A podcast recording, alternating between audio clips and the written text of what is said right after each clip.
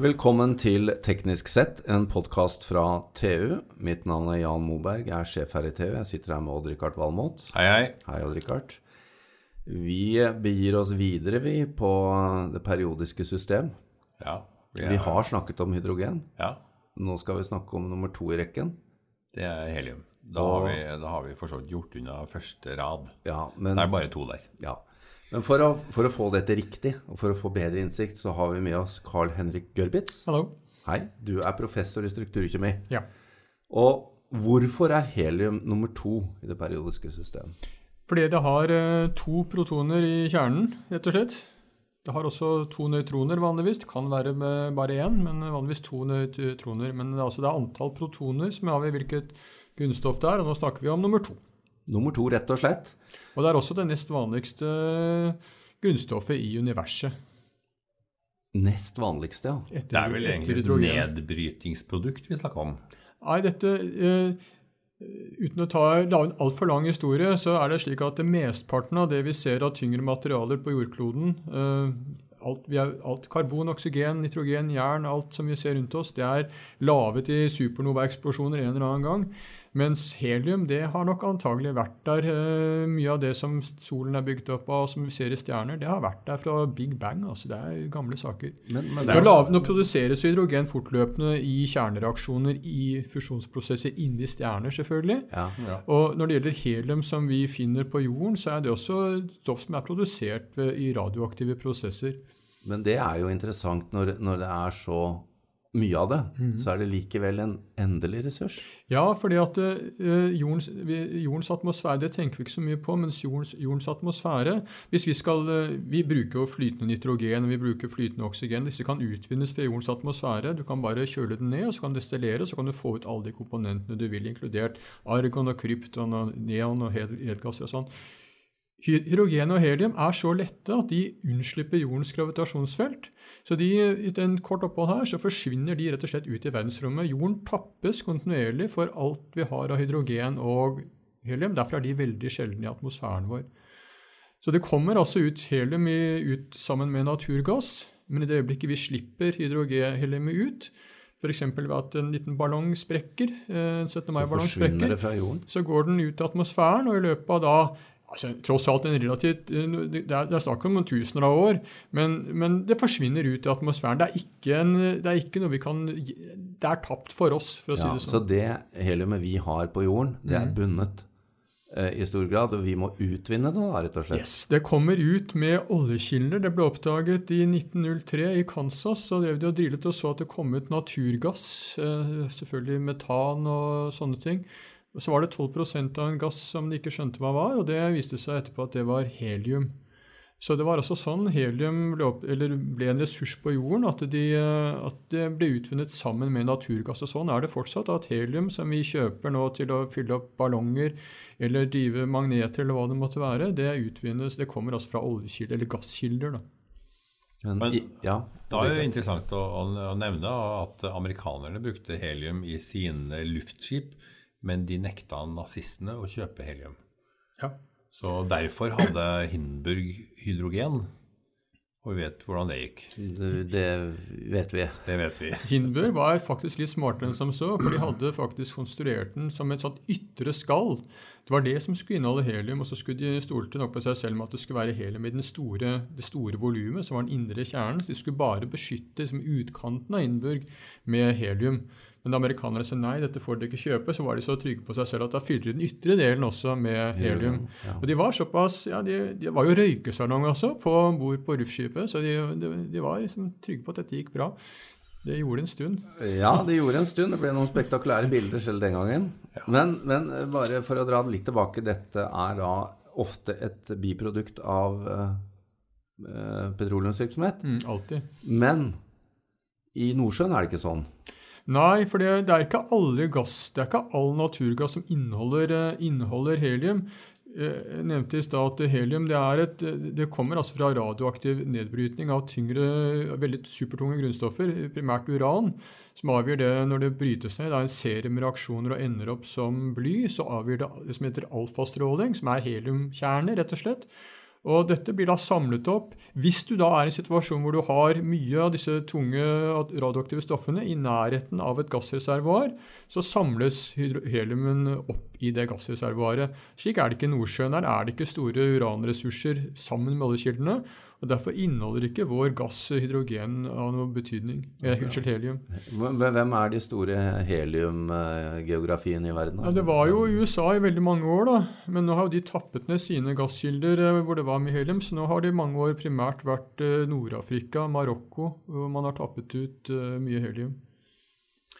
Den nye skifergassen, der er jo også en god del uh, Ja, de oppdaget, det, har vært, det, har, det, har vært, oppdaget noen nye kilder til helium de senere år. For et par år siden så var jo, var jo verden veldig pessimistisk med tanke på hvordan det skal gå med heliumforsyningen i fremtiden. fordi Altså Én ting er å leke seg med 17. mai-ballonger, men vi trenger jo faktisk helium til en del teknologi som vi er relativt avhengig av etter hvert. Eh, MR-maskiner f.eks. Altså alt som har supermagneter, de bruker gjerne kjøling med helium. Og plutselig klare seg uten det, det er ikke så helt lettvint, altså. Hvorfor er helium så bra til kjøling? Fordi det er Du kan kjøle det så langt, du kan kjøle det så langt ned uten at du får noen som helst problemer med at det reagerer med noen ting. Det er gass. Det er jo gass helt ned til uh, Ja, Det blir ikke flytende form? Det blir, det, det blir ikke flytende form. Det stivner ikke. Det, seg, det, det flyter ved, ved veldig lav temperatur. Du kan kjøle det veldig langt ned. Og kan, eh, det er veldig hensiktsmessig å bruke til å kjøle, kjøle ned magneter av den grunn. Noe som da faktisk blir enda mer aktuelt, eh, både i MR og andre ting som dere nevner. Å ja. ja. Og det er klart at uh, MR-maskiner er viktigere enn 17. mai-ballonger. Ja, det, det, er det. Og Én ting er 17. mai-ballong med forholdsvis, nye, forholdsvis, forholdsvis uh, lite volum, tross alt. Men hvis vi da snakker om at uh, man skal utvikle nye luftskip, hvor man skal da få en ny æra for luftskipene, hvor man skal drive og fly moderne luftskip rundt omkring. Man kunne regne på kostnadene ved å fylle et sånt luftskip med helium nå, og hvordan det vil være da om 10 eller 20 år, når helium utvilsomt kommer til å være en enda mer begrenset ressurs enn det det er nå. Så jeg ville ikke satt aksjene mine i det. altså det, pengene mine i aksjer. Det blir rett og slett et så begrenset uh, gode at prisen kommer til å gå til værs, ja, bokstavelig talt. Ja. nå, nå kom det noen gode nyheter fra Afrika, var det Angola, tro, i år, hvor de fant noen nye forekomster med, som var veldig ja. rike. Og, det kommer nok til å bli oppdaget i fremtiden også, men altså, prinsippet er helium uh, å betrakte som en uh, begrenset ressurs. og bør vel etter mine begreper brukes deretter, rett og slett. Så nå kommer forbudet mot uh, 17. mai-ballonger og bursdagsballonger? Ja, det kan du si, men altså nå utvinnes naturgass rundt omkring i verden, og det følger med helium. Hva skal man gjøre med heliumen? Eh, I USA har de hatt kjempestore lagre i, eh, i, mange år som de nå har tappet ned. Det klart Man kan tenke seg å lagre mer igjen eh, og fylle opp lagrene. Men det er tross alt begrenset hvor mye man kan lagre for 10, 20, 30 og 100 år frem i tiden også. Så det er, det er litt hvem skal betale for det. Du kan lagre det i luftskip, da. Det ja. Det her er fryktelig små molekyler, da. Det er, det er altså, det er altså nesten umulig å holde det helt tett. Ja. Helium, for, kjemikere så er jo helium en uh, veldig interessant gass også.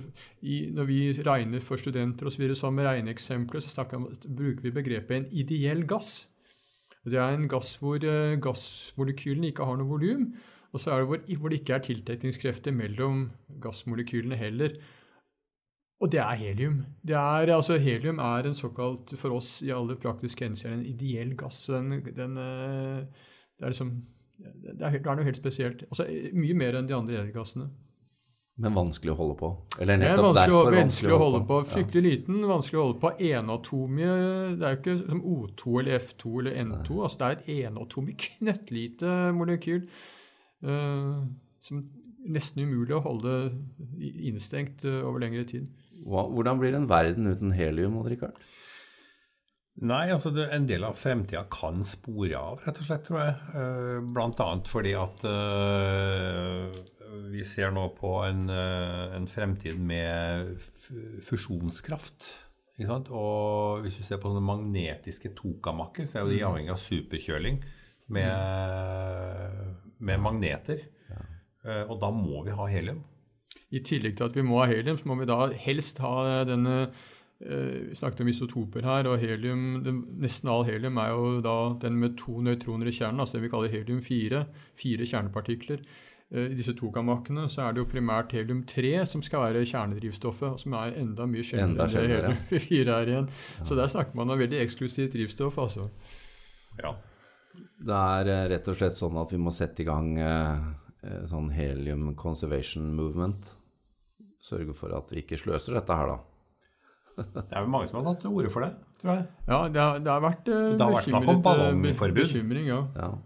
Eh, At det skal kastes bort på Ja, det var jo et De var bekymra for forurensning på cupfinalen. Men det var jo sånn og Det lå sånn sprengte ballonger overalt. Det var vel verre med det heliumet som forsvant ut i atmosfæren, tror jeg. Det er gøy med helium. Da. Alle, vi vi syns jo det er morsomt å ta, vise skoleelever på, komme på besøk. La dem puste i helium. Pust, trekk en god innpust, og så puster du ut, så får du denne berømte Donald-stemmen. Ja. Fordi stemmebåndene vibrerer mye fortere enn de pleier. Fordi det er denne lette, tynne gassen. Ja, det er, det er, det er alltid en klassiker. Det Den får går, rett, den går rett med hjem. hydrogen også, vil jeg Det får til med hydrogen også, men uh, i og med at hydrogen er brennbar, så er det, vi holder solelever unna hydrogen.